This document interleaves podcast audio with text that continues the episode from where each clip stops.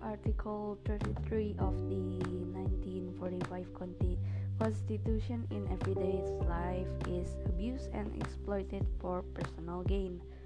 The problem is is that the current economic system is ambiguous because it it turns out that the right to control by the state can be delegated to large private sectors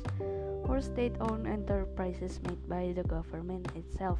without consultation, let alone the consent of the people.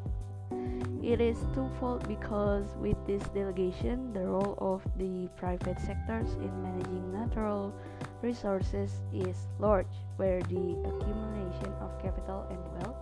occurs in private companies that have the right to manage these natural resources. For example, like the following.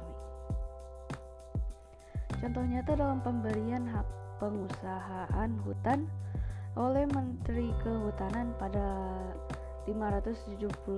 konsesi HPH di Indonesia yang didominasi hanya oleh 25 orang pengusaha kelas atas.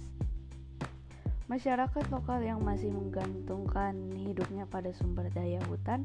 dan hari generasi ke generasi telah berdagang kayu harus diputuskan dari ekonomi kayu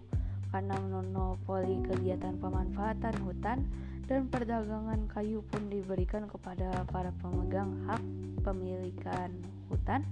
ini. Monopoli kegiatan pemanfaatan ini malah disahkan melalui seperangkat peraturan, mulai dari Undang-Undang Pokok Kehutanan Nomor 5 Tahun 1957 sampai peraturan pelaksanaan yang membekukan hak rakyat untuk turut mengelola hutan, seperti pembekuan hak pemungutan hasil hutan bagi masyarakat lokal hanya melalui telex menteri dalam negeri kepada gubernur. Therefore, people in, people's involvement in resource management activities only in the form of labor absorption absorption by natural resources man management is not a top priority in natural resource management policies in Indonesia so that in the end the natural resource and the enjoyment they get are only controlled by a group of